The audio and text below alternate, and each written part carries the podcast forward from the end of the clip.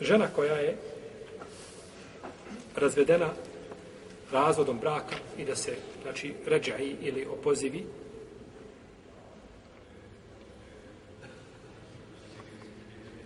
ona nema, znači, ovoga propisa, ona se uljepšava svome mužu, svaki dan se uljepšava da bude šta što ljepša, tako.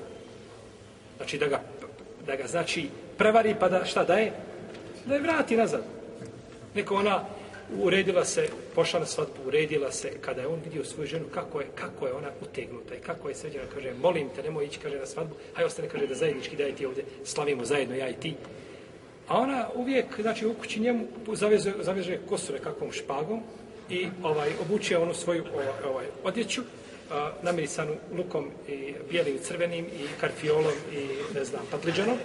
I ta, takava mu je pokući. Pa se sredla i pošla na, na šta? Na sad, kada je on nju vidio, kaže, molim te, kaže, ja odo, kaže, da je tamo pice, kaže, pa ćemo...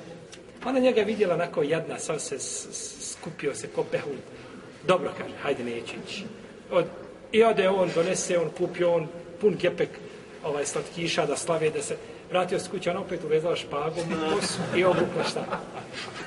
Opet ovaj, namirisanu hajde. Isto obukla. Ne, žena znači je u idetu, uljepšava se šta svome suprugu, da mu bude što lepša i da to bude znači put i način da je šta? Vrati nazad. A neće šta ostaviti, kaže, dobro, kad sam već razvio živ bio, onda ni ja nemam. Ne, tada ima još dodatni razlog da promijeniš svoj odnos prema šta.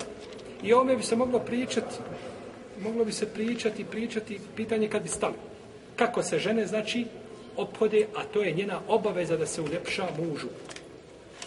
Znači da se uljepša svome suprugu, kao i on njoj. Ne znači u svojoj, nego kad pođu napolje, to je običaj oni koji nemaju udjela kod uzvišenog Allaha za na ahiretu. Uljepšava se na ulici, a kod će u svojoj kući ne može muž gledati očima. To je pogrešno. Nego znači dužno se ženi znači da se tako ophodi